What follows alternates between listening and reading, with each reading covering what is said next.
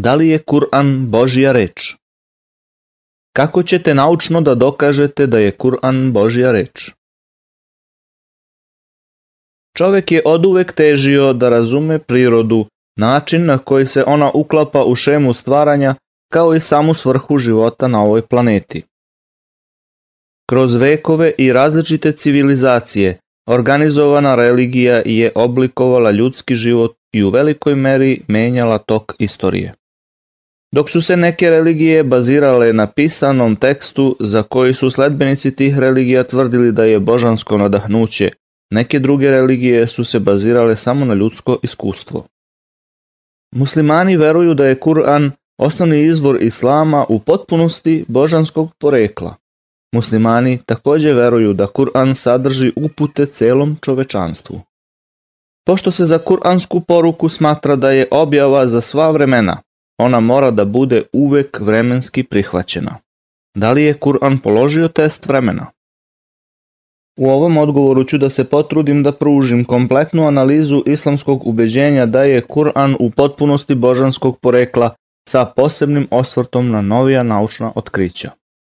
Tokom ljudske istorije je bilo perioda kada su čudesa ili ono što se smatralo čudesima imala presudan uticaj na ljudska shvatanja i logiku. Naravno, najkraća definicija čuda bi bila da je to svaki događaj koji se desi izvan zakona prirode i za koji ljudi nemaju objašnjenje. Međutim, moramo biti jako oprezni kod prihvatanja nekih nadprirodnih dela. 1933. godine Times of India iz Mumbaja je objavio priču o svetom čoveku, Baba Pilotu, koji je tvrdio da je u velikom rezervoaru sa vodom proveo tri dana i tri noći bez prestanka. Međutim, kada su reporteri hteli da analiziraju dno rezervoara u kome je ovaj navodno izveo svoj nadprirodni poduhvat, bilo im je zabranjeno da to provere. On se branio kontra pitanjima. A kako ćete proveriti utrubu majke dok nosi dete 9 meseci? Očigledno ovaj sveti čovek je nešto krio. Njegova tvrdnja je najobičnija prevara koja ima za cilj da privuče pažnju javnosti. Naravno, savremeni čovek koji bar malo teži racionalnom razmišljanju nikada neće da prihvati čudo. Kada bi ovakva lažna čuda bila dokaz božanskog porekla, mogli bismo sve poznate svetske mađioničare i iluzioniste da svrstamo u božje glasnike ili da im dodelimo neko božansko svojstvo. Ako se za neku knjigu tvrdi da je božanskog porekla, ona svojim sadržajem to mora da potvrdi. Zbog takvog stava ta knjiga uvek mora biti spremna da odgovori na zahteve ljudi u bilo kom vremenu i mestu. Muslimani veruju da je časni Kur'an poslednja Božja objava, čudo nad čudima, objavljena celom čovečanstvu. Hajde da zajedno potvrdimo istinitost ovog verovanja. Kur'anski izazov Pisanje knjiga i pesama u svim civilizacijama je bilo sredstvo izražavanja ljudskih osjećanja, razmišljanja i kreativnosti. Ljudska civilizacija pamti doba kada je poezija zauzimala prvo mesto u interesovanjima ljudi, isto kao što danas nauka i tehnologija zauzimaju primarno mesto u interesovanjima i zanimanjima ljudi. Čak se i nemuslimanski mislioci slažu da je Kur'an uspostavio najsavršenije standarde književnog izražavanja. Kur'an je najbolje arapsko literalno delo. Kur'an izaziva ljude da napišu nešto slično. A ako sumnjate u ono što objavljujemo robu svome, načinite vi jednu suru, poglavlje, sličnu objavljenim njemu, I pozovite i božanstva vaša, osim Allaha, ako istinu govorite. Pa ako ne učinite, a nećete učiniti, onda se čuvajte vatre za nevernike pripremljene, čije će gorivo biti ljudi i kamenje. Kur'an poglavlje Al-Bekara Kur'anski izazov ljudima je da naprave barem jedno poglavlje slično kur'anskom. Ovaj izazov se ponavlja na nekoliko mesta u Kur'anu. Izazov da se napravi poglavlje koje svojom lepotom, skladnošću i dubinom značenja podsjeća na kuransko ostao je važeći, ali i neprevaziđen do današnjih dana. Savremeni čovek nikada ne bi prihvatio knjigu koja, makar i na literalno savršen način, kaže da je svet ravna ploča. To je zbog toga što mi živimo u vremenu kada je ljudska logika, razum i nauka merilo svega. Malo ljudi bi prihvatilo Kur'an kao Božju objavu samo na osnovu njegovog nenadmašnog stila. Svaka knjiga za koju se tvrdi da je božanskog porekla mora položiti test potvrđenih činjenica iz nauke i logike. Poznati fizičar i dobitnik Nobelove nagrade Albert Einstein je rekao – Nauka bez vere je ništavna, a vera bez nauke je slepa. Hajdemo sada da zajedno odgovorimo na pitanje kompatibilnosti Kur'ana i savremene nauke. Kur'an nije naučna knjiga, on je knjiga znakova, ajeta. U Kur'anu ima preko 6000 ajeta, od čega njih preko 1000 govori o čistoj nauci. Poznato je da se često dešava da nauka promeni kurs, U ovom odgovoru ću da koristim samo one činjenice koje su nedvosmisleno dokazane u nauci, a ne hipoteze i pretpostavke koje još nisu potvrđene naučnim dokazima. Astronomija Stvaranje kosmosa Teorija velikog praska Nastanak kosmosa astrofizičari objašnjavaju opšte prihvaćenom teorijom poznatom kao Big Bang teorija, odnosno teorija velikog praska. Ova teorija se temelji na višedecenijskim posmatranjima i eksperimentalnim dokazima koje su zajedno izvodili astronomi i astrofizičari. Prema teoriji velikog praska, čitav kosmos je u početku bio jedna jedinstvena masa, takozvana primarna nebula. Zatim je nastupio veliki prasak, koji je rezultovao formiranjem galaksija. Galaksije su se kasnije podelile na zvezde, planete i tako dalje. Poreklo kosmosa je jedinstveno, a verovatnoća da se ovo desilo slučajno jednaka je nuli. Kur'an nam saopštava sledeće u vezi sa nastankom kosmosa. Zar ne znaju nevernici da su nebesa i zemlja bili jedna celina, pa smo ih mi raskomadali i da mi od vode sve živo stvaramo? I zar neće da veruju? Podudarnost između ovog kuranskog ajeta i teorije velikog praska je neverovatno uočljiva. Kako je moguće da knjiga koja se pojavila pre 1400 godina u sred arapske pustinje sadrži ovako veliku naučnu istinu. Početna gasovita masa pre stvaranja galaksija Naučnici se slažu da je nebeska masa pre stvaranja kosmosa bila u obliku gasovite materije. Drugim rečima, pre kosmosa su postojali samo ogromni oblaci gasovite materije. Da bismo objasnili tu prvobitnu masu, Reč dim je podobnija od reči gas ili magla. Kur'an u jednom ajetu ovo stanje kosmosa opisuje rečju duhan, što znači dim. Zatim se nebeskim visinama uputio dok je nebo još dim bilo, pa njemu i zemlji rekao, pojavite se milom ili silom. Pojavljujemo se drage volje, odgovorili su. Ovo stanje je prethodilo velikom prasku. Za tu činjenicu nije znao niko pre poslanstva Muhammeda. Šta je izvor ovih informacija? Zemlja ima sferičan oblik. Nekada su ljudi verovali da je zemlja ravna ploča. Vekovima su se bojali putovati predaleko iz straha da ne padnu sa ivice. Francis Drake je prvi čovek koji je dokazao da je zemlja okrugla nakon što je proputovao zemlju 1597. godine. Zamislite o sledećem kuranskom ajetu. Kako ne vidiš da Allah uvodi noć u dan i uvodi dan u noć i da je podčinio sunce i mesec? Svako se kreće do roka određenog i da Allah dobro zna ono što radite.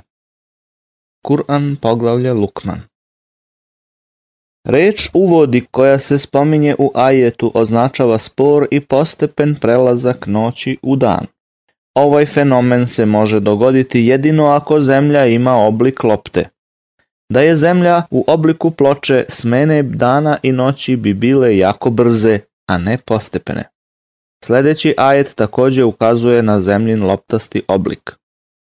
Nebesa i zemlju je sa ciljem stvorio, on noću zavija dan i danom zavija noć. On je sunce i mesec potčinio. svako se kreće do roka određenog. On je silni, on mnogo prašta. Kur'an poglavlje skupovi. Arapska reč koja se koristi u ajetu kevere – znači obavijati, namotavati, kao što se obmotava turban na glavi. Međusobno obavijanje dana i noći moguće je samo ako zemlja ima oblik lopte.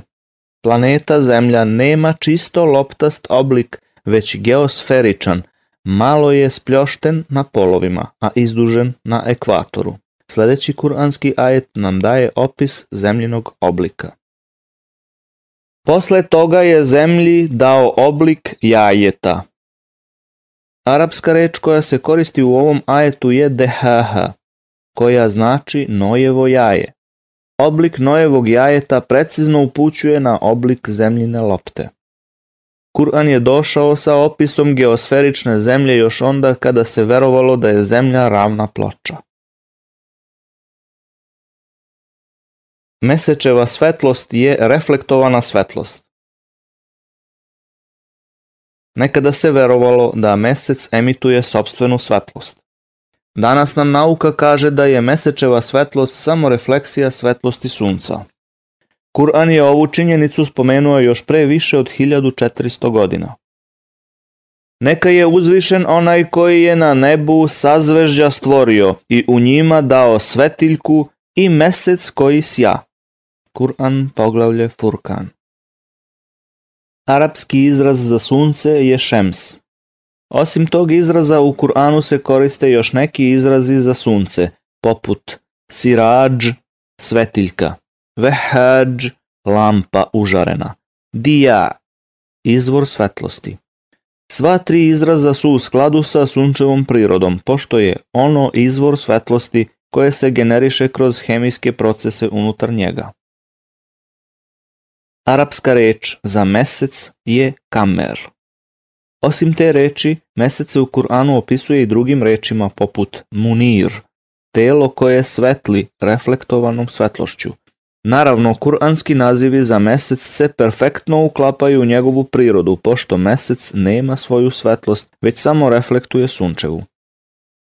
Nijednom se u Kur'anu mesec ne naziva sirađ, vehađ ili dija, niti se sunce naziva nur ili munir. Sve ovo znači da Kur'an prepoznaje jasnu razliku između sunčeve i mesečeve svetlosti. Sledeći ajeti ukazuju na prirodu svetlosti sa sunca i meseca. On je sunce izvorom svetlosti učinio, a mesec sjajnim i položaje mu odredio da biste znali broj godina i računanje. Allah je to mudro stvorio.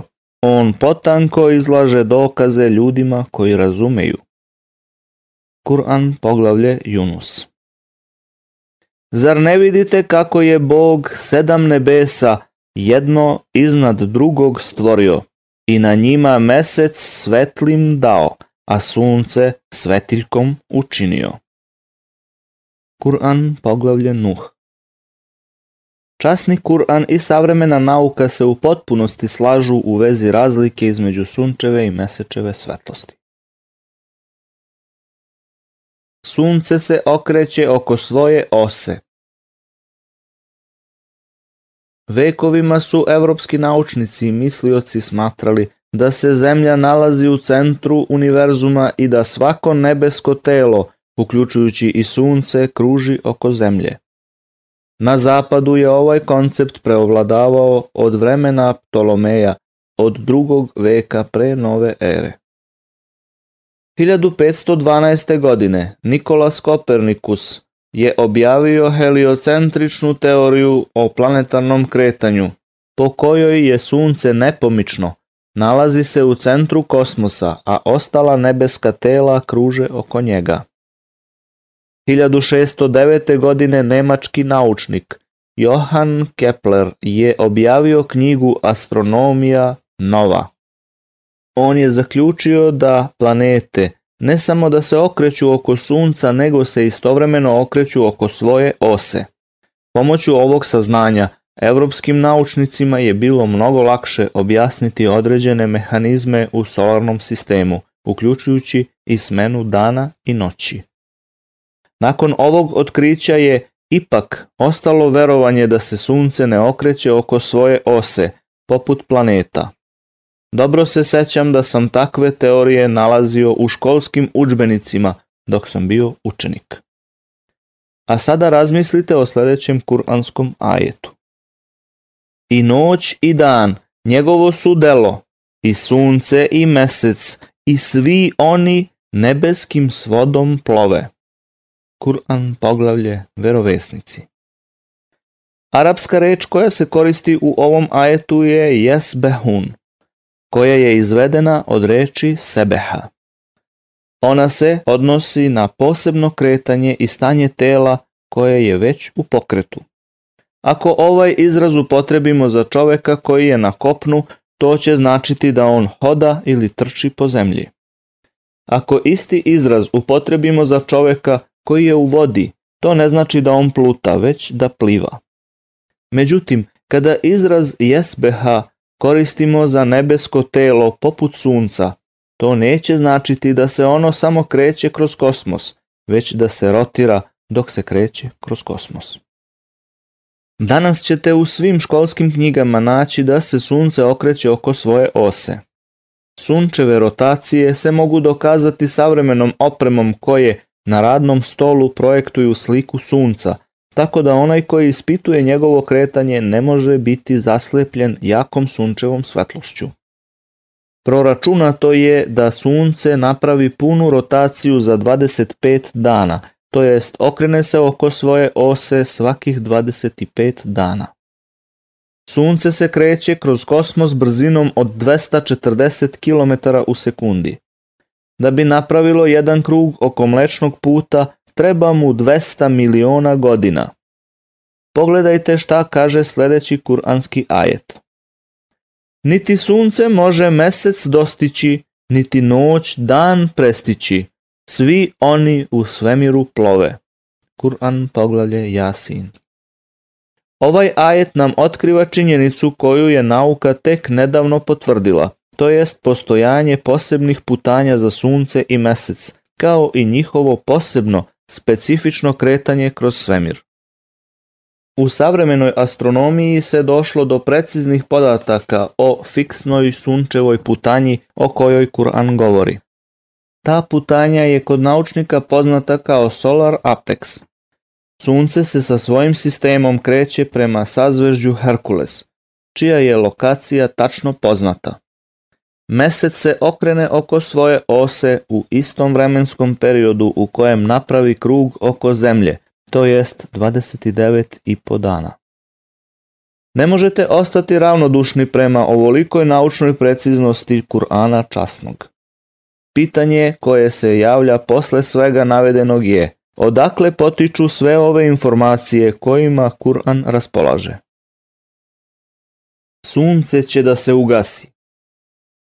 Sunčeva svetlost nastaje kao posledica hemijskih reakcija na njegovoj površini, koje traju već 5 milijardi godina. To će jednoga dana prestati.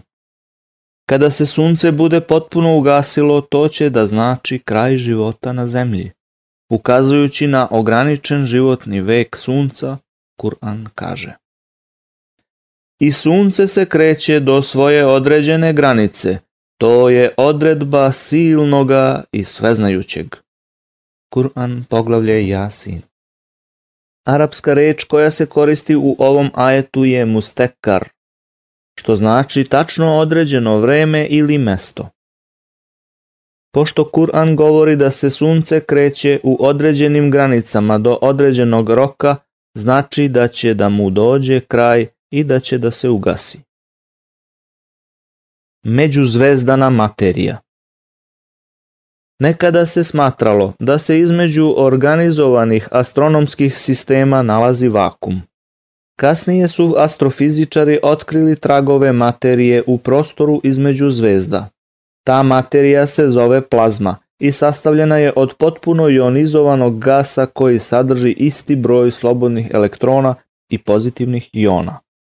Plazma se ponekada naziva četvrto stanje materije, pored poznatih gasovito, tečno i čvrsto stanje. Kur'an upućuje na postojanje međuzvezdane mase sledećim ajetom. Koji je za šest vremenskih razdoblja nebesa i zemlju i ono što je među njima stvorio, a onda celim svemirom zavladao. On je milostivi i upitaj o njemu onoga koji zna. Kur'an poglavlje Furkan Bilo bi smešno tvrditi da je bilo koji čovek pre 1400 godina znao da postoji međuzvezdana masa. Širenje kosmosa 1925. godine američki astronom Edwin Hubble dokazao je na osnovu posmatranja teleskopom da se galaksije udaljavaju jedna od druge, što upućuje na zaključak da se univerzum širi. Širenje univerzuma je danas opšte prihvaćena naučna činjenica. Isto nam govori i Kur'an kad nas obaveštava o prirodi univerzuma. Mi smo nebo moći svojoj sazdali, a mi u istinu proširujemo. Kur'an poglavlje Oni koji pušu. Ispravan prevod arapske reči musijun je proširujemo i upućuje na širenje kosmosa. Jedan od najvećih astronoma svih vremena, Stephen Hawking, u knjizi Kratka istorija vremena kaže Otkriće da se kosmos širi je jedno od najvećih naučnih dostignuća u 20. veku. Kur'an nas je obavestio da se kosmos širi još onda kada ljudi nisu znali ni kako da naprave teleskop. Neko će da kaže, nije čudo što Kur'an govori o činjenicama iz oblasti astronomije pošto su Arapi bili napredni u toj oblasti. Da, to je istina. Arapi jesu bili jako napredni u oblasti astronomije. Međutim, ono što ljudi zaboravljaju jeste da su Arapi postali dobri poznavaoci astronomije nekoliko vekova nakon objave Kur'ana. Moramo spomenuti da mnoge navedene naučne činjenice poput porekla univerzuma i Big Bang teorije nisu bile poznate Arapima, čak ni onda kada su bili na vrhuncu naučnog razvoja. Zbog toga ne možete da kažete da su činjenice o astronomiji koje su spomenute u Kur'anu posledica arapskog poznavanja astronomije. Međutim, možemo da kažemo da su Arapi dostigli visok nivo razvoja astronomije zahvaljujući tome što Kur'an posvećuje veliku pažnju astronomskim činjenicama. Fizika Atomi su deljivi Nekada je dobro poznata teorija atomizma bila široko prihvaćena. Ova teorija u osnovi potiče od učenja starogrčkog filozofa Demokrita – koji je živeo pre 23 veka. Demokrit i svi koji su dolazili posle njega su prihvatili teoriju da je atom najmanji delić materije. Stari Arapi su prihvatili to verovanje. Arapska reč zareh se najčešće upotrebljava kao izraz za atom. Najnovija naučna otkrića pokazuju da je čak i atom deljiv i da nije najmanji sastojak materije. Otkriće da atom može da se deli na sitnije delove se pojavilo tek u 20. veku. Pre 14 vekova ovakvo shvatanje bi bilo neobično čak i samim Arapima. Za njih je zerah uvek bio limit ispod kojeg ne može više da se ide. Međutim, sledeći kuranski ajet odbija da prihvati takav limit a nevernici govore, čas oživljenja nam neće doći. Reci, hoće, tako mi gospodara moga koji zna i ono što je skriveno, zaista će vam doći. Njemu ne može ništa, ni jedan atom na nebesima ni na zemlji izmaći. I ne postoji ništa ni manje ni veće od toga što nije u jasnoj knjizi. Kur'an poglavlje Saba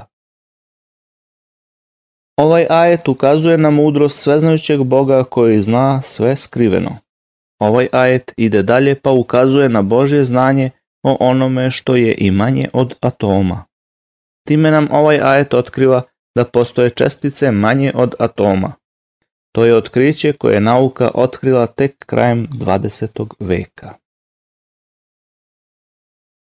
Hidrologija Kruženje vode u prirodi Bernard Palisi je 1580. godine prvi objasnio koncept kruženja vode u prirodi koji je ostao važeći i do danas. On je opisao kako voda isparava iz okeana pa se zatim hladi i formira oblake. Posle toga se oblaci pomeraju, kondenzuju i pretvaraju u kapi kiše. Voda od kišnice se sakuplja u jezera i reke, putuje do mora, odakle ponovo isparava čime je ciklus zaokružen. U 7. veku pre nove ere Tales je verovao da vetar odnese deo vode sa površine mora prema kopnu i tako pada kiša. Nekada ljudi nisu znali odakle vode poreklo podzemne vode.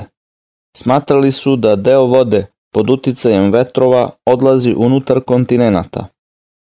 Takođe, Verovali su da se ta voda vraća nazad u okean, tajnim putem, to jest velikim abisom. Ovaj tajni prolaz je vodio do okeana. Nazivao se još i Tartan Us, još od vremena Platona. Čak je i Dekart, veliki mislilac iz 17. veka, zastupao ovo mišljenje. Sve do 19. veka Aristotelova teorija je bila i dalje najšire prihvaćena. Prema ovoj teoriji voda se kondenzuje u velikim pećinama na velikim planinama i formira podvodne vode, od kojih potiču izvori. Međutim, danas je poznato da je za izvore odgovorna kišna voda koja prolazi kroz šupljine u tlu. Ova pojava je opisana u sledećim kuranskim ajetima. Zar ne vidiš da Allah spušta s neba kišu pa je u izvore u zemlji razvodi – a onda pomoću nje raznobojno bilje izvodi. Zatim se ono suši i ti ga vidiš požutela i najzad ga skrši. To je doista pouka za one koji su pametni. Kur'an poglavlje skupovi. I jedan od dokaza njegovih je to što vam pokazuje munju, da se pobojite i ponadate – i to što spušta s neba kišu i oživljava njome zemlju posle mrtvila njezina. To su zaista pouke za ljude koji razumeju. Kur'an poglavlje Bizantijici. Mi s neba smerom kišu spuštamo i u zemlji je zadržavamo, a kadri smo da je i odvedemo. Kur'an poglavlje Vernici. Ne postoji dokument koji je ovoliko star, a da daje ovako precizne informacije o kruženju vode u prirodi. Isparavanje I tako mi neba koje se vraća, kruži. Kur'an poglavlje Danica Vetrovi oplođuju oblake. Mi šaljemo vetrove da oplođuju, a iz neba spuštamo kišu da imate šta piti. Vi time ne možete raspolagati. Kur'an poglavlje Hidžan. Arapska reč koja se koristi ovde je levakih, što je množina od lakih, a ova reč od lekaha, što znači oploditi. U ovom kontekstu oploditi znači da vetar gura oblake jedne prema drugima, pri čemu se pojačava kondenzacija, a samim tim se javljaju munje i kiša. Sličan opis nalazimo u sledećim kuranskim ajetima. Zar ne vidiš da Bog razgoni oblake i onda ih spaja i jedne nad drugima gomila, pa ti vidiš kišu kako iz njih pada. On s neba iz oblaka veličine brda spušta grad, pa njime koga hoće pogodi, a koga hoće poštedi. Bljesak munje njegove gotovo da oduzme vid. Kur'an poglavlje svetlost. Bog je taj koji vetrove šalje, pa oni oblake teraju i on ih po nebu, kako on hoće rasprostire i na komade deli. Pa ti vidiš kišu kako iz njih pada i kad je on na robove svoje na koje želi prolije, oni se odjednom radošću ispune. Kur'an poglavlje Vizantijci Savremena saznanja iz oblasti hidrologije se potpuno poklapaju sa kuranskim opisima koji govore o ovoj temi. Kruženje vode u prirodi se spominje još na nekoliko mesta u Kur'anu.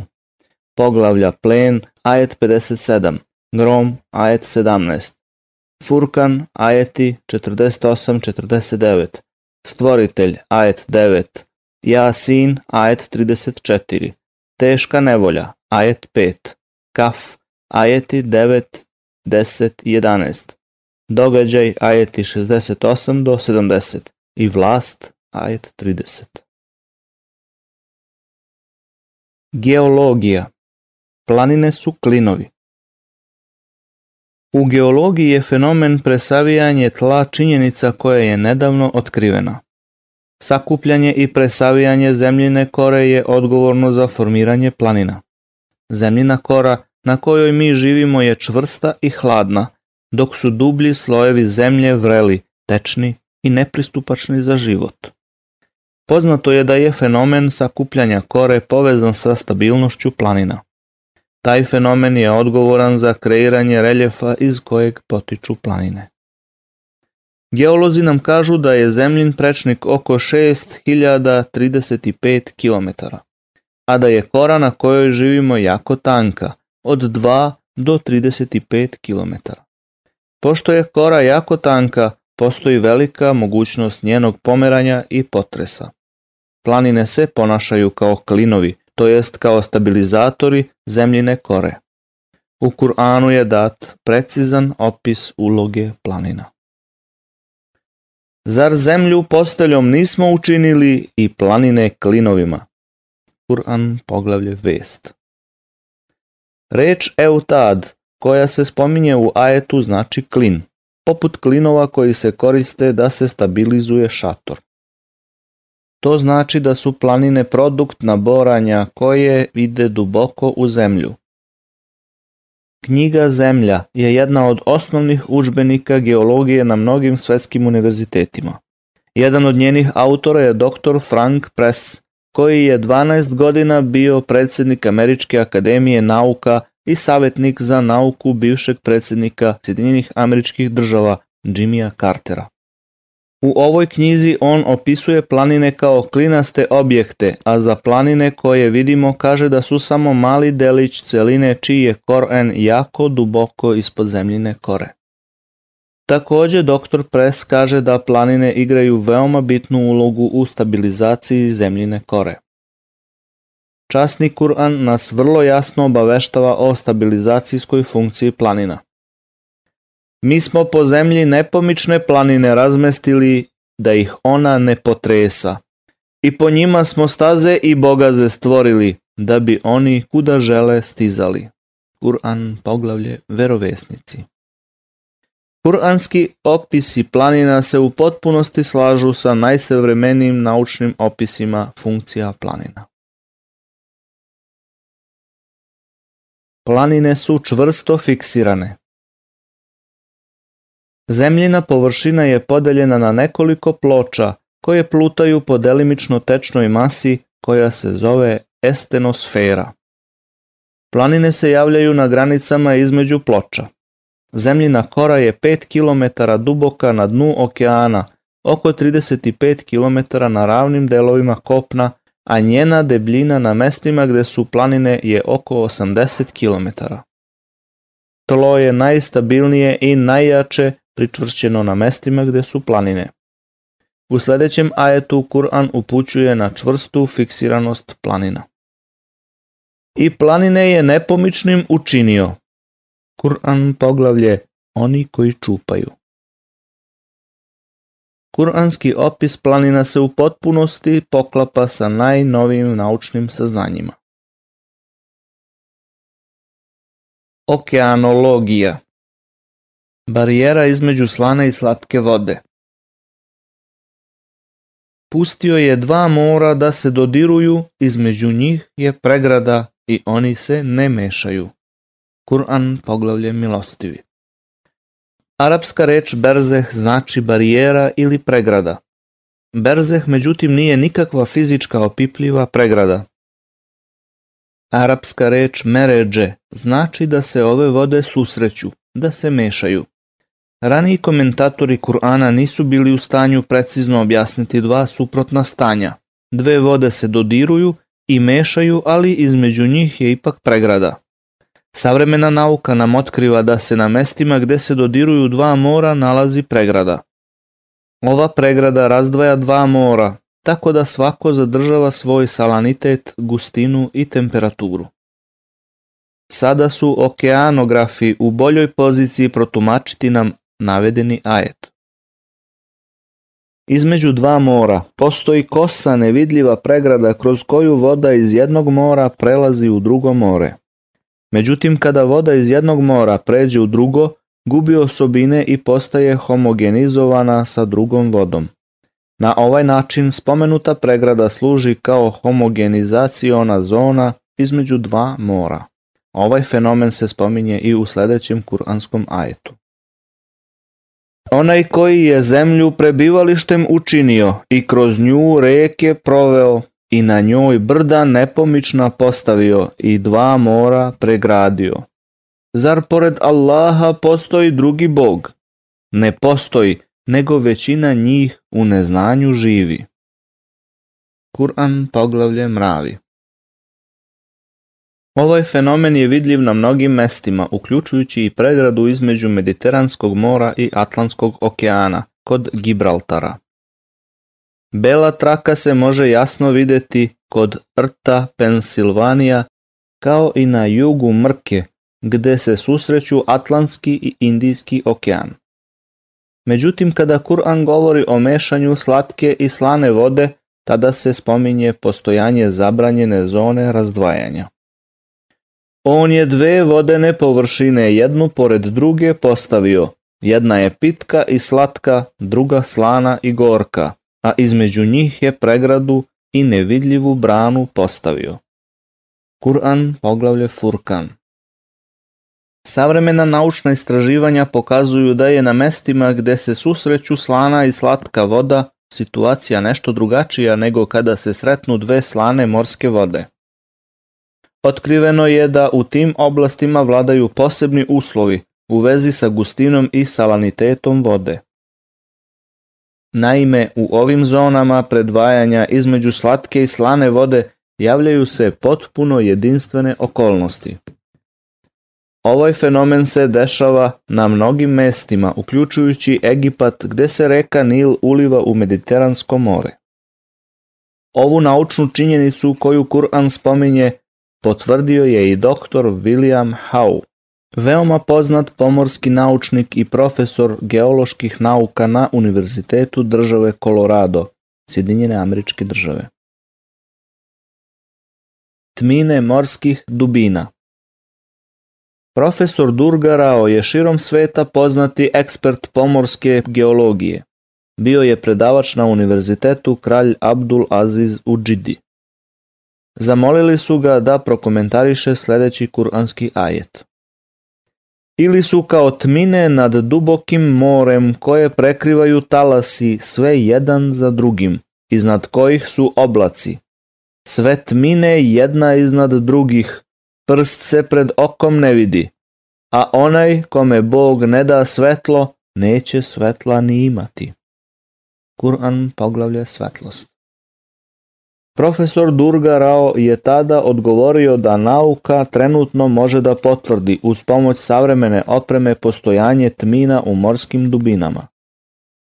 Ljudi nisu u stanju da bez ikakve opreme borave na dubini od 30 metara. Spomenuti AEC se ne odnosi na bilo koje more, jer se tmine ne mogu akumulisati u svakom moru. Ovaj AEC odnosi isključivo na vrlo duboka mora. Tmine koje se nižu po nivoima rezultat su dva faktora. Prvi. Svetlosni zrak se sastoji od sedam boja koje mogu da se vide kod duge. Ovih sedam boja su ljubičasta, modroplava, plava, zelena, žuta, naranđasta i crvena. Kada svetlost udari u vodu, trpi prelamanje. U prvih 10 do 15 metara voda upija crvenu boju. Zato ako bi se ronioc povredio na dubini od 25 metara, ne bi bio u stanju da vidi crvenu boju svoje krvi, jer crvena boja ne dopire do te dubine. Naranđasta boja se apsorbuje između 30 i 50 metara. Žuta između 50 i 100, zelena između 100 i 200, a plava, ljubičasta i indigo se apsorbuju na većoj dubini od 200 metara. Zbog spomenute postepene apsorpcije svetlosti kroz nivoe jedna iznad drugih, okean progresivno postaje sve mračniji. To jest, temine se dešavaju kroz različite slojeve svetlosti. Na dubini od 1000 metara i niže vlada potpuna tama. Drugi faktor Deo sunčevih zraka apsorbuju oblaci, pa zbog toga ispod oblaka nastaje prvi sloj tame. Kada svetlo stigne do površine mora, deo njih se odbija, što se može zaključiti po bleštovom sjaju koji dolazi sa površine vode. Zbog tog delimičnog odbijanja svetlosti ispod površine mora nastaje drugi sloj tame. Svetlost koju površina vode ne odbije ulazi u vodu. Okean možemo grubo podeliti na dva dela, gornji osvetljeni i topli deo i donji mračni i hladni deo. Gornji deo je od dubljeg dela mora odvojen svetlosnim nivoima. Ti unutrašnji nivoji pokrivaju mračne dubine okeana, zato što je voda u tim dubinama gušća od vode na površini. Tama počinje ispod unutrašnjih talasa gde se čak ni ribe koje tamo žive ne mogu videti, osim ako proizvode svoju sobstvenu svetlost. Kur'an ovo jasno opisuje. Kao tmine nad dubokim morem koje prekrivaju talasi sve jedan za drugim, iznad kojih su oblaci. Drugim rečima postoji nekoliko slojeva talasa uključujući i one na površini mora, kao što kaže kuranski ajet iznad kojih su oblaci sve tmine jedna iznad drugih. Spomenute tmine nastaju zbog pregrada koje odbijaju deo po deo svetlosti ili jednu po jednu boju. Profesor Durga Rao je zaključio rečima Pre 1400 godina ni jedan čovek nije mogao objasniti spomenute stvari sa toliko preciznosti. Ove informacije moraju poticati iz nekog superprirodnog izvora. On od vode stvara ljude i čini da su rod po krvi i po tazbini. Gospodar tvoj je kadar sve. Kur'an poglavlje Furkan Da li je moguće da je neko pre 14 vekova nasumice pogodio da su ljudi stvoreni od vode, Da li je moguće da ta pretpostavka dođe od čoveka koji je živeo u pustinskoj oblasti, gde uvek vlada nestašica vode? Botanika Biljke imaju muški i ženski pol. Nekada ljudi nisu znali da se čak i biljke dele na muški i ženski pol. Savremena botanika nas uči da svaka biljka pripada ili muškom ili ženskom polu. Čak i biljke koje nemaju pol imaju razdvojene muške i ženske elemente. On je za vas zemlju posteljom učinio i po njoj vam prolaze utro. I on spušta s neba kišu. Samo mi dajemo da uz njenu pomoć u parovima niče bilje raznovrsno. Kur'an Taha. Voćke imaju muški i ženski pol. On je zemlju ravnom učinio i na njoj nepomične planine i reke stvorio i od svakog ploda po par muško i žensko dao. On dan zastire noću. To su doista dokazi ljudima koji razmišljaju. Kur'an poglavlje Grom Voćke su krajnji proizvod reprodukcije naprednih biljaka. Nastanku voćke prethodi razvijanje cveta koje ima muški i ženski polni organ. Kada polen uđe u cvet, nastaje voćka koja opet u sebi razvija seme. Zbog toga kažemo da svaka voćka ima obeležja muškog i ženskog pola. To je činjenica koju je Kur'an spomenuo još pre 1400 godina. Kod pojedinih vrsta voćke nastaju iz neoplođenog cveta, poput banane i pomoranđe. Međutim, sve ove biljke ipak u sebi nose različita obeležja muškog i ženskog pola. Sve je stvoreno u parovima. I od svega po par stvaramo, da biste vi razmislili. Kur'an poglavlje, oni koji pušu. Ovaj ajet se odnosi na sve stvoreno na zemlji. Osim ljudi, životinja, biljaka i voćki, ovaj ajet može da se odnosi primjera radi na elektricitet u kome se atomi sastoje od pozitivno i negativno naelektrisanih elektrona i protona. Tu spada još mnogo stvari. Neka je hvaljen onaj koji u svemu stvara pol u onome što iz zemlje niče u njima samima i u onome što oni ne znaju. Kur'an, poglavlje Jasin. Ovde Kur'an govori da je baš sve stvoreno u parovima. Tu svakako spadaju i stvari koje ljudi još nisu otkrili, ali će ih otkriti u budućnosti. Zoologija Životinje žive u zajednicama sve životinje koje po zemlji hode i sve ptice koje na krilima svojim lete, svetovi su poput vas. U knjizi mi nismo ništa izostavili i sakupit će se posle pred gospodarom svojim. Kur'an poglavlje El Anam Istraživanja su pokazala da životinje, ptice, sisari i druge žive u zajednicama kao što ljudi žive u zajednicama, organizuju se, žive i rade zajedno. Let ptica Zar oni ne vide kako ptice u prostranstvu nebeskom bez muke lete? Njih samo Bog drži. To su zaista dokazi ljudima koji budu verovali. Kur'an poglavlje pčele. Još jedan kuranski ajet takođe govori o pticama. Zar oni ne vide ptice iznad sebe kako raširenih krila lete, a i sakupljaju ih? Samo ih milostivi drži, on zaista sve dobro vidi. Kur'an poglavlje vlast.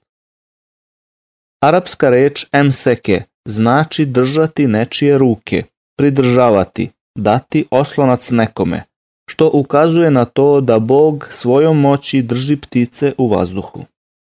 Ovi ajeti naglašavaju ekstremnu zavisnost ptica od Božih zakona. Savremena naučna istraživanja su pokazala stepen perfekcije kod kretanja i ponašanja nekih vrsta ptica. Jedino postojanje migracionog programa u genetskom kodu ptica može objasniti duga i komplikovana putovanja koja mlade ptice selice bez ikakvih problema i zabuna i bez određenih vidljivih putokaza sprovode u delo svake godine. Takođe vraćaju se u svoj zavičaj bez greške, u tačno određeno vreme. Profesor Hamburger u knjizi Snaga i fragilnost navodi primer ptice Muton Bird, koja živi u oblasti Pacifika i koja prilikom svog putovanja pređe put od 24.000 km u obliku osmice. Njeno putovanje traje šest meseci, a na mesto polaska stiže sa zakašnjenjem od najviše jedne nedelje. U mozgu ove ptice mora da je usađen program koji je vodi kroz ovo kompleksno putovanje. Bez sumnje, ove ptice su isprogramirane. Zašto ne razmislimo? Ko je njihov programer? pčela i njene posebnosti.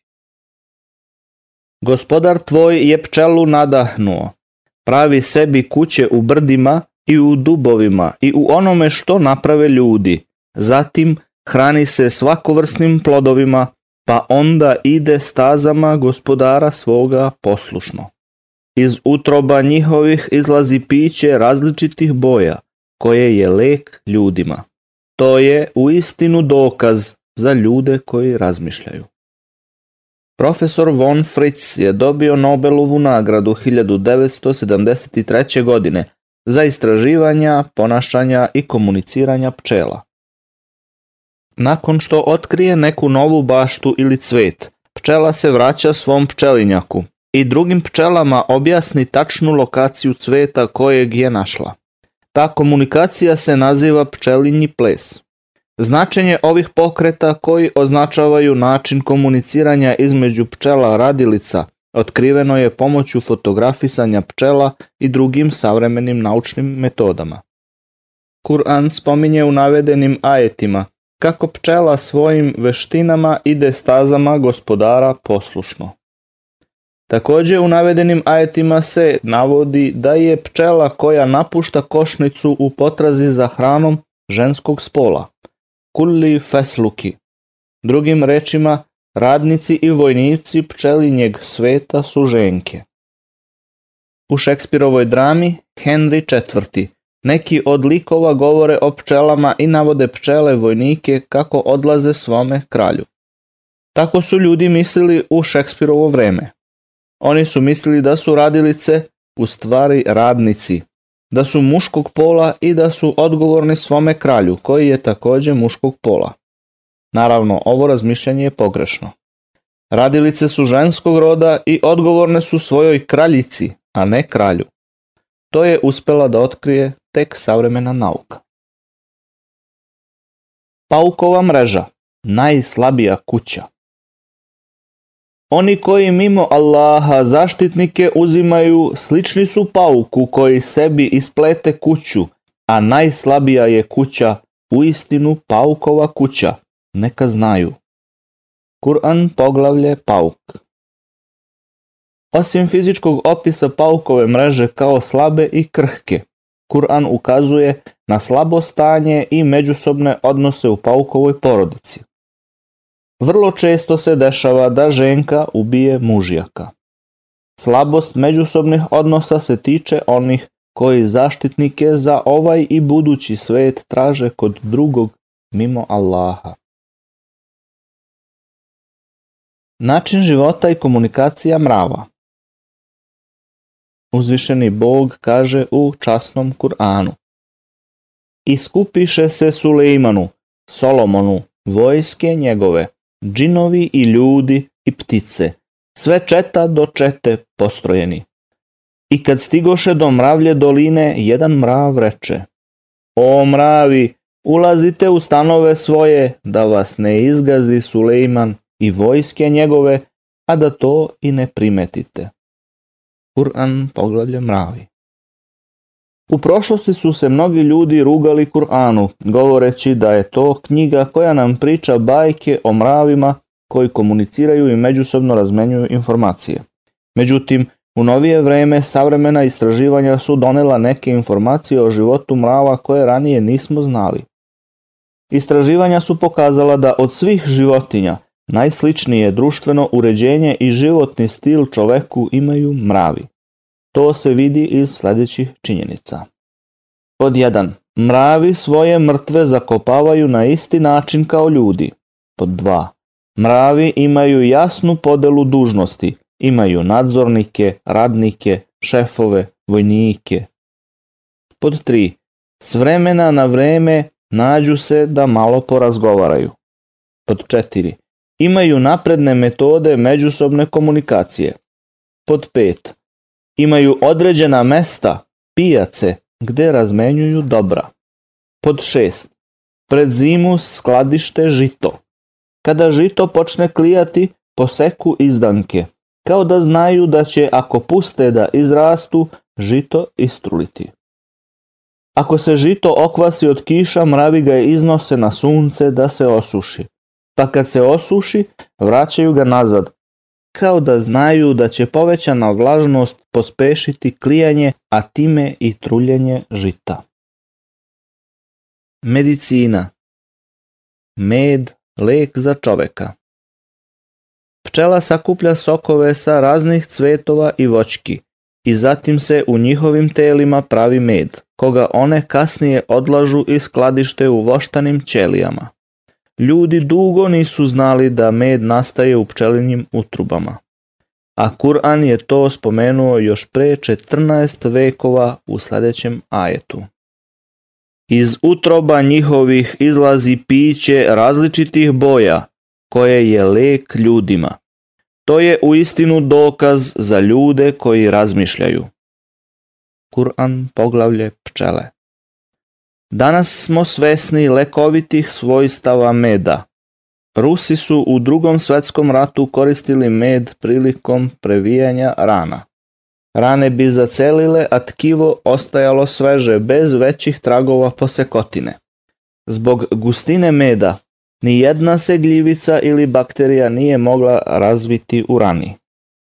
Dramatična poboljšanja su bila vidljiva kod bolesnika od 22 neizlečive i Alzheimerove bolesti u engleskim bolnicama koje je vodila sestra Carol, medicinska sestra koja je u tretmanima koristila propolis, substancu koju proizvode pčele da bi svoje košnice zaštitile od bakterija. Osoba koja pati od alergije na neku biljku treba uzimati med na bazi dotične biljke da bi telo postepeno razvilo imunitet na nju. Med je takođe bogat fruktozom i vitaminom C. Kuranske informacije o medu, njegovom poreklu i svojstvima su naučno mogle da budu potvrđene mnogo vekova nakon objavljivanja Kur'ana.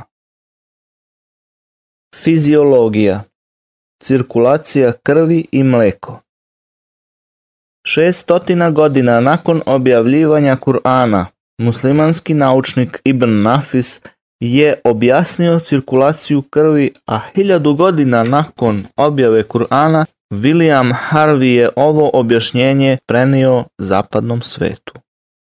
Ranije je bilo poznato da su creva digestivnog trakta zadužena za preradu hrane. Međutim, kuranski ajet ih povezuje sa stvaranjem mleka. Da bismo mogli razumeti taj kuranski ajet, moramo najpre znati da hemijske reakcije počinju u crevima – pa odatle substance ekstrakovane iz hrane dospevaju u krv kroz kompleksne procese. Krv te substance prenosi do svih organa u telu, uključujući mlečne žlezde zadužene za proizvodnju mleka. Prostije rečeno, hranjive substance dospevaju u zidove tankog creva, odakle ih krv preuzima i prenosi do organa. Ovaj fiziološki aspekt moramo dobro razumeti da bismo shvatili sledeće kuranske ajete. Vi imate pouku i u stoci. Mi vam dajemo da iz utroba njenih mleko čisto pijete, koje nastaje od grizina u buragu i od krvi, ukusno onima koji ga piju. Kur'an poglavlje pčele. I stoka vam je pouka.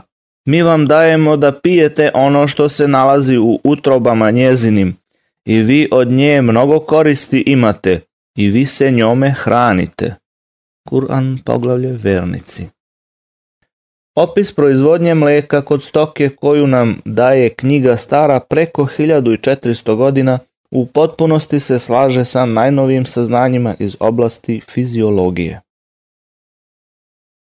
Embriologija Muslimani traže odgovore.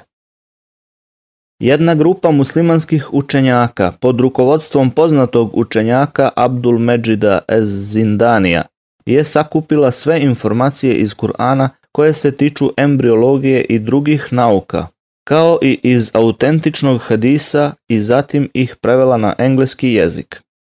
Povodili su se za kuranskim ajetom. Zato pitajte sledbenike knjige ako ne znate vi. Kur'an poglavlje verovesnici. Sve informacije iz Kur'ana i verodostojnog hadisa su prikupljene, prevedene na engleski jezik, a zatim su predočene profesoru Kate Muru, profesoru embriologije i šefu odeljka za anatomiju na Univerzitetu u Torontu u Kanadi. Danas on važi za jednog od najvećih autoriteta u polju embriologije. Od njega je zatraženo da prokomentariše materijal koji su mu predočili. Nakon pažljivog analiziranja, profesor Moore je rekao da su informacije o embriologiji date u Kur'anu i verodostojnom hadisu savršeno podudarne sa najnovim otkrićima iz oblasti embriologije, te da se ne kose sa njima ni na koji način. Dodao je da postoji nekoliko ajeta o kojima još ne može ništa reći, ni da su tačni, niti da nisu – jer ni on sam nije došao do sličnih informacija, pa ih mora proveriti. U vezi tih informacija još nije postojao ni jedan naučni tekst ni studija. Jedan od tih ajeta je sledeći. Čitaj u ime gospodara tvoga koji stvara, stvara čoveka od zakvačka. Kur'an poglavlje ugrušak.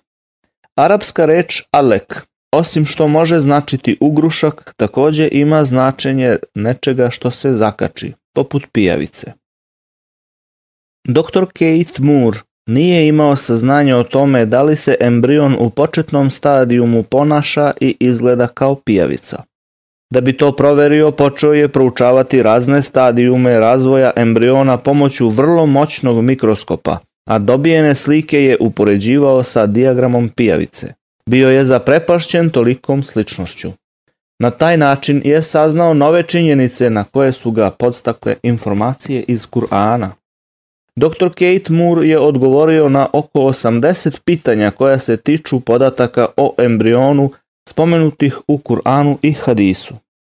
Svaka informacija data u Kur'anu i Hadisu se u potpunosti slaže sa najnovim naučnim saznanjima. Profesor Moore je rekao Da ste mi sva ova pitanja postavili pre samo 30 godina, ne bih vam uz naučne dokaze mogao odgovoriti ni na polovinu pitanja. Na sedmoj medicinskoj konferenciji u Dammamu u Saudijskoj Arabiji 1981. godine dr. Moore je rekao Velika mi je čast što sam učestvovao u analiziranju kuranskih ajeta koji govore o razvoju čoveka. Sada mi je jasno da su ove informacije Muhammedu morale doći od Boga, Allaha, jer skoro sve spomenute informacije su mogle biti potvrđene jedino mnogo vekova kasnije. To je meni dovoljan dokaz da je Muhammed bio Boži poslanik. Dr. Moore je još ranije napisao knjigu Razvoj čoveka. Nakon saznanja novih informacija iz Kur'ana, napisao je treće dopunjeno izdanje iste knjige. Te godine je njegova knjiga dobila nagradu za najbolju medicinsku knjigu jednog autora. Knjiga je prevedena na nekoliko svetskih jezika, a i koristi se kao učbenik na prvoj godini studija embriologije. Dr. Joe Lake Simpson, načelnik akušerskog i ginekološkog odeljenja na medicinskom fakultetu Baylor u Houstonu, SAD, je izjavio Ovi hadisi Muhamedove izreke nisu mogle biti analizirane sa stanovišta nauke u 7. veku. Ne samo da religija islam i nauka nisu u konfliktu, već se pokazalo da religija islam može predvoditi nauku sa nekim svojim tradicionalnim tekstovima. U Kur'anu postoje informacije koje su dokazane mnogo vekova kasnije dokazujući da je Kur'an Božija knjiga.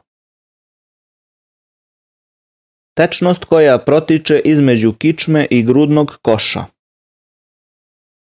Nek čovek pogleda od čega je stvoren. Stvoren je od tekućine koja se izbaci, koja između kičme i grudi izlazi. Kur'an poglavlje Danica U embriološkom stadijumu razvoja polni organi muškarca i žene se počinju razvijati blizu kičme, između kičmenog stuba i 11. ili 12. para rebara. Kasnije se oni pomeraju. Ženski reproduktivni organ se zaustavlja kod karlice dok se muške polne žlezde spuštaju sve do rođenja, dok ne dospu do mošnica. Međutim, čak i kasnije, nakon rođenja, Ovi organi dobijaju nervne i hranjive potrepštine od trbušne aorte, koja se nalazi između kičmenog stuba i grudnog koša.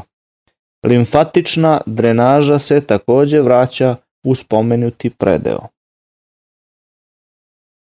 Nufta mala količina tečnosti. Časni Kur'an čak 11 puta ponavlja da se ljudi stvaraju od nufte, što znači najmanji sastojak tečnosti, odnosno kap tečnosti koja ostaje nakon pražnjenja posude. To se spominje na nekoliko mesta u Kur'anu, kao na primer u poglavlju Furkan, 5. ajet i u poglavlju Vernici, 13. ajet. Nauka nam danas potvrđuje da je samo jedan spermatozoid od oko 3 miliona potreban da se oplodi jajna ćelija. To znači da je samo 0,00003% tečnosti koja se izbaci potrebna za oplođavanje. Sulala, suština tečnosti. A potomstvo njegovo stvara od kapi hude tekućine. Kur'an poglavlje padanje ničice. Arapska reč sulala znači bit, suština, najbolji deo neke celine. Danas znamo da samo jedan spermatozoid oplođuje jajnu ćeliju od nekoliko miliona koje proizvede muškarac. Taj jedan spermatozoid se u Kur'anu naziva sulala.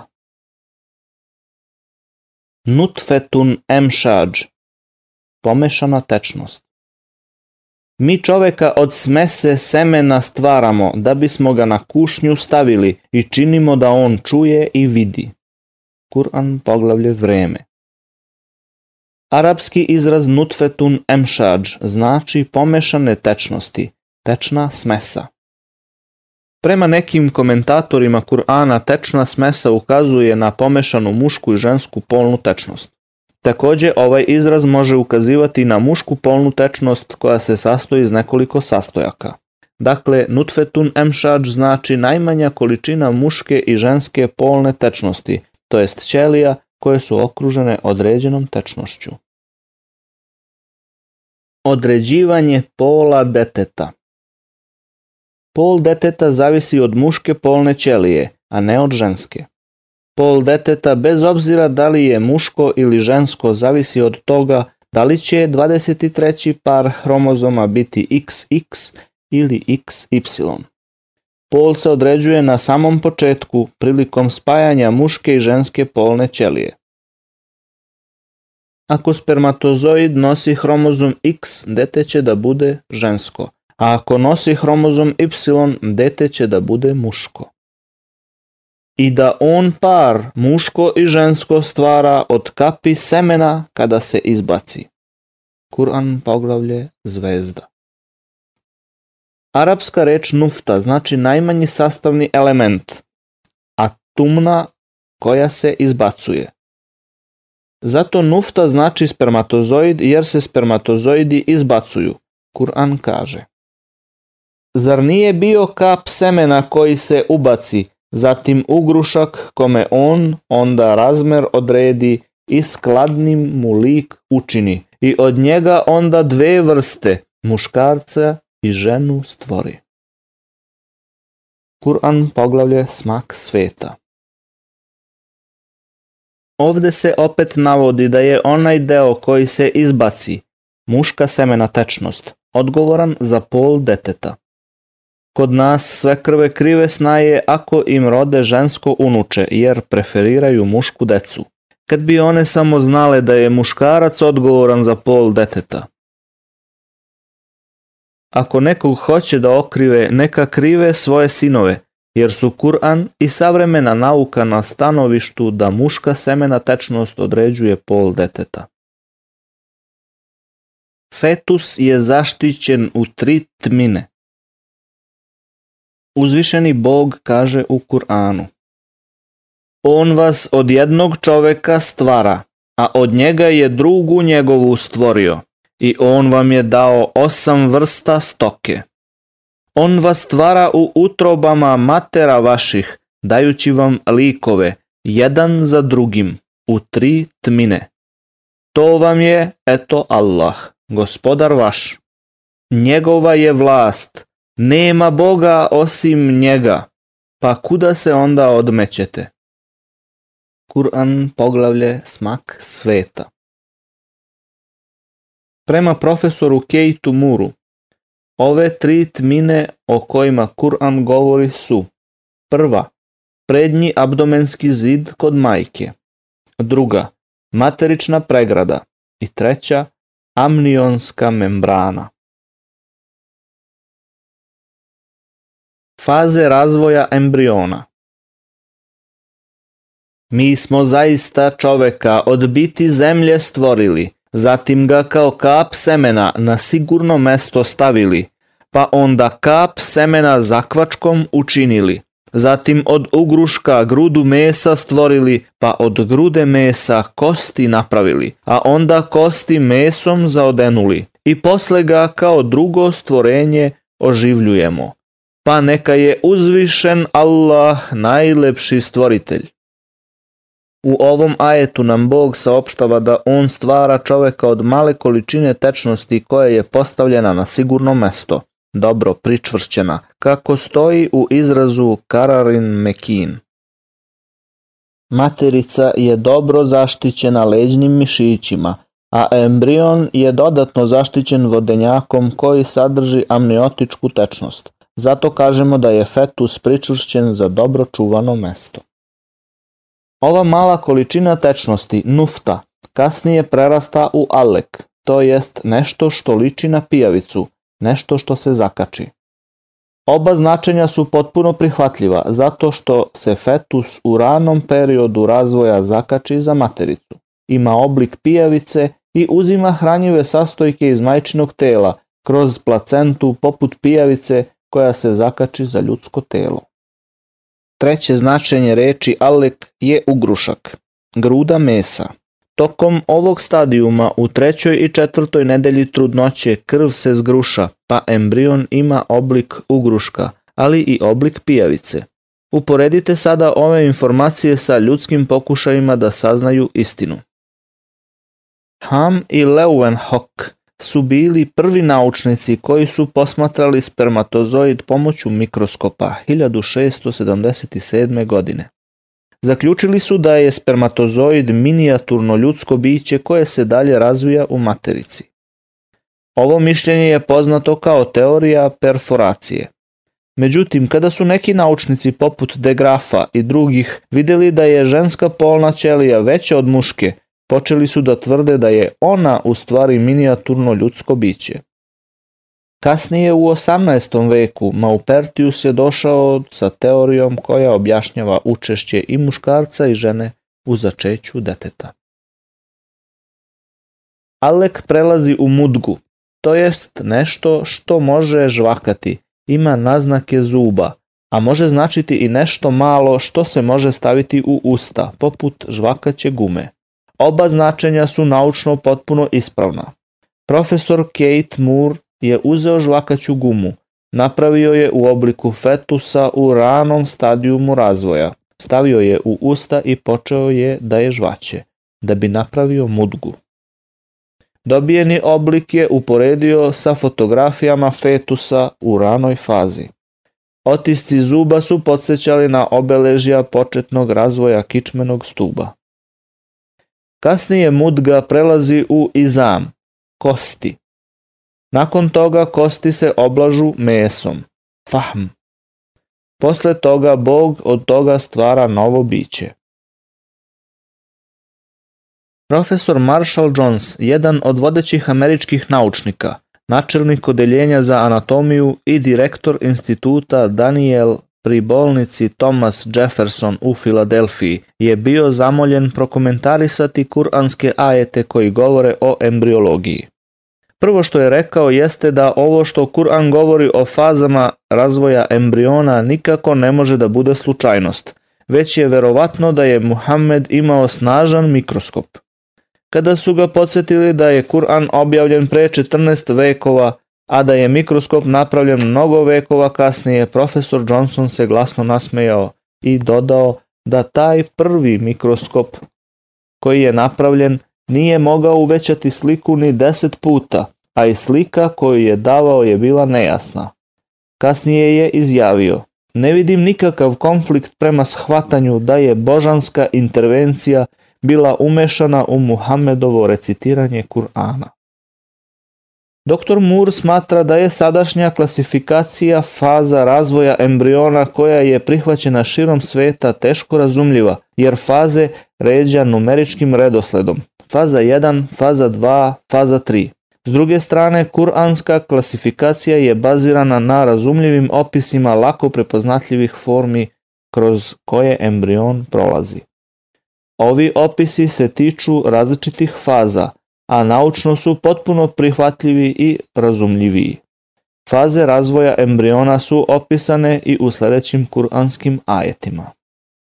Zar nije bio kap semena koja se ubaci, zatim ugrušak kome on onda razmer odredi i skladnim mu lik učini. I od njega onda dve vrste, muškarca i ženu stvori. Kur'an poglavlje smak sveta. O čoveče, zar da te obmanjuje to što je gospodar tvoj plemenit, koji te je stvorio pa učinio da si skladan i da si uspravan i kakav je hteo lik ti dao. Kur'an poglavlje Rascepljenje Delimično formiran i delimično neformiran embrion Ako bismo u fazi mudga zavirili u embrion, videli bismo da su neki organi već formirani, a da ostali još nisu. Prema profesoru Johnsonu, ako bismo govorili o embrionu kao o nečemu već formiranom, to bi se odnosilo samo na one već oformljene delove. A ako bismo o embrionu govorili kao o nečemu što još nije kompletno formirano, onda bi se to odnosilo samo na one delove koji još nisu formirani. Kako ćemo da nazovemo embrion? kompletno ili nepotpuno formiran oblik. Nema boljeg opisa od onog sa kojim je došao časni Kur'an u sledećem ajetu. Mi vas stvaramo od zemlje, zatim od kapi semena, potom od zakvačka, zatim od grude mesa, formirane i neformirane, pa vam pokažemo moć našu. Kur'an poglavlje Hadž Nauka nam danas kaže da su u toj fazi embriona neke ćelije diferencirane dok druge još nisu. Neki organi su formirani dok drugi još nisu. Čula sluha i vida Prvo čulo koje se formira kod embriona jeste čulo sluha. Fetus već nakon 24 nedelje može da čuje zvuke. Nakon njega oko 28. nedelje formira se čulo vida kada fetusova mrežnjača postaje osetljiva na svetlost. Kur'an to ovako objašnjava. On vam i sluh i vid i pameti daje. Mi čoveka od smese semena stvaramo da bismo ga na kušnju stavili i činimo da on čuje i vidi. On vam daje sluh i vid i pameti a kako malo zahvaljujete. U svim ovim ajetima najpre se pominje stvaranje čula sluha, a nakon njega čulo vida. Taj opis je u potpunom skladu sa savremenom naukom. Opšte naučne teme Otisci prstiju Uzvišeni Bog kaže u Kur'anu Zar čovek misli da kosti njegove nećemo da sakupimo? Hoćemo, mi možemo da stvorimo jagodice prsta njegovih ponovo. Kur'an poglavlje smak sveta. Nevernici su postavljali pitanja. Kako će Bog da oživi mrtve kada kosti istrunu u zemlji i kako će svaka osoba da bude identifikovana na sudnjem danu? Uzvišeni Bog im odgovara da On – ne samo da može da sakupi njihove kosti, već može da im vrati u savršenom redu jagodice prstiju. Zašto Kur'an govoreći o ponovnom stvaranju svake individue ponaosob na posebnom mestu spominje otiske prstiju? Godine 1880. Otisci prstiju su postali deo naučne metode identifikovanja svake osobe nakon istraživanja koje je vršio Francis Galt. Ne postoje ni dve osobe na svetu sa istim otiscima prstiju, čak ni identični blizanci.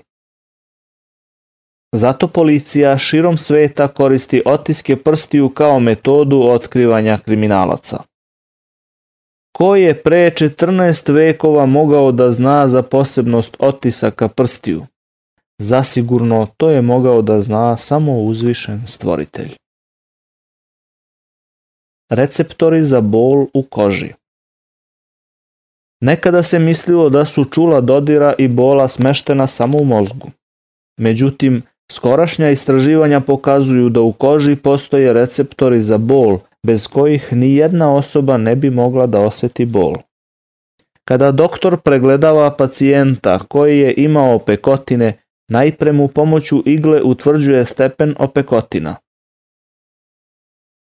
Ako pacijent osjeća bol, lekar je srećan, jer su opekotine površine i receptori bola nisu oštećeni. Međutim, ako pacijent više ne osjeća bol, onda se radi o dubokim opekotinama i receptori bola su uništeni. Kur'an daje jasnu naznaku u postojanju receptora u koži sledećim ajetom. One koji ne veruju u dokaze naše mi ćemo sigurno u vatru baciti. Kada im se kože ispeku, zamenit ćemo ih drugim kožama da osete pravu patnju. Bog je zaista silan i mudar. Profesor Tagatat Tajasen, načelnik odeljenja za anatomiju na univerzitetu Chiang Mai u Tajlandu, je veliki deo svojih istraživanja posvetio receptorima za bol.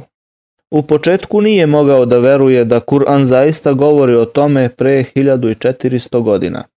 Kasnije je proverio prevod značenja navedenog kuranskog ajeta i bio je toliko impresioniran ovolikom naučnom preciznošću Kur'ana da je na osmoj medicinskoj konferenciji u Rijadu na temu naučnih dokaza u Kur'anu i sunnetu javno izgovorio pred svima. La ilahe illallah Allah, Muhammedur Rasulullah. Nema božanstva osim Allaha, a Muhammed je njegov poslanik.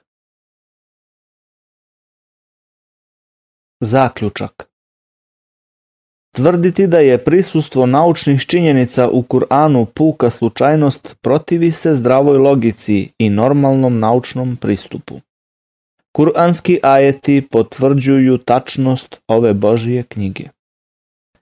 Mi ćemo im pružati dokaze naše u prostranstvima svemirskim, a i u njima samim, dok im ne bude sasvim jasno da je Kur'an istina. A zar nije dovoljno to što je gospodar tvoj o svemu obavešten? Kur'an poglavlje objašnjenje. Kur'an poziva ljude da razmisle o stvaranju kosmosa u sledećem ajetu. U stvaranju nebesa i zemlje i u izmeni noći i dana su zaista znamenja za razumom obdarene. Kur'an poglavlje Imranova porodica. Naučni dokazi u Kur'anu bez sumnje potvrđuju njegovo božansko poreklo. Nijedan čovek nije mogao pre 1400 godina da napiše ovakvu knjigu koja sadrži ovako precizne naučne činjenice. Međutim, Treba znati da Kur'an nije naučna enciklopedija, već je knjiga znakova. Ovi znakovi, ajeti, pozivaju čoveka da shvati svrhu svoga života na zemlji kako bi živeo u skladu i harmoniji sa prirodom. Kur'an je u istinu poruka od Boga, stvoritelja nebesa i zemlje. On je objavljen da bi potvrdio Božju jednoću sa kojim su dolazili svi Božiji verovesnici, od Adama do Muhameda. Veliki broj knjiga je napisan na temu Kur'ana i savremene nauke. Uz Božju volju sva istraživanja na tom polju će pomoći ljudima da se približe svom gospodaru. U ovom odgovoru sam izneo samo nekoliko naučnih činjenica koje su spomenute u Kur'anu i smatram da ni izbliza nisam obuhvatio celu temu. Profesor Tajasen je prihvatio islam pod utiskom samo jednog naučnog ajeta u Kur'anu. Nekima treba deset takvih ajeta, a nekima je potrebno možda njih stotinu da bi se uverili da je Kur'an Božja reč. Međutim, neki neće da prihvate istinu pa makar im predočili hiljadu ajeta koji sadrže najnovije naučne činjenice. Ovakav mentalni sklop Kur'an opisuje sledećim ajetom. Gluvi, nemi i slepi su, nikako da se osveste.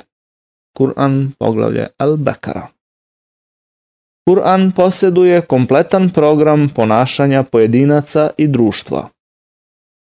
Hvaljen neka je Allah. Kuranski način života je daleko superiorniji od svega što su ljudi pokušali da nametnu jedni drugima. Ko može da da najbolju uputu osim samog stvoritelja? Molim Allaha da nam prihvati uloženi trud i molim ga da nam oprosti grehe i da nas uputi na pravi put. Amin.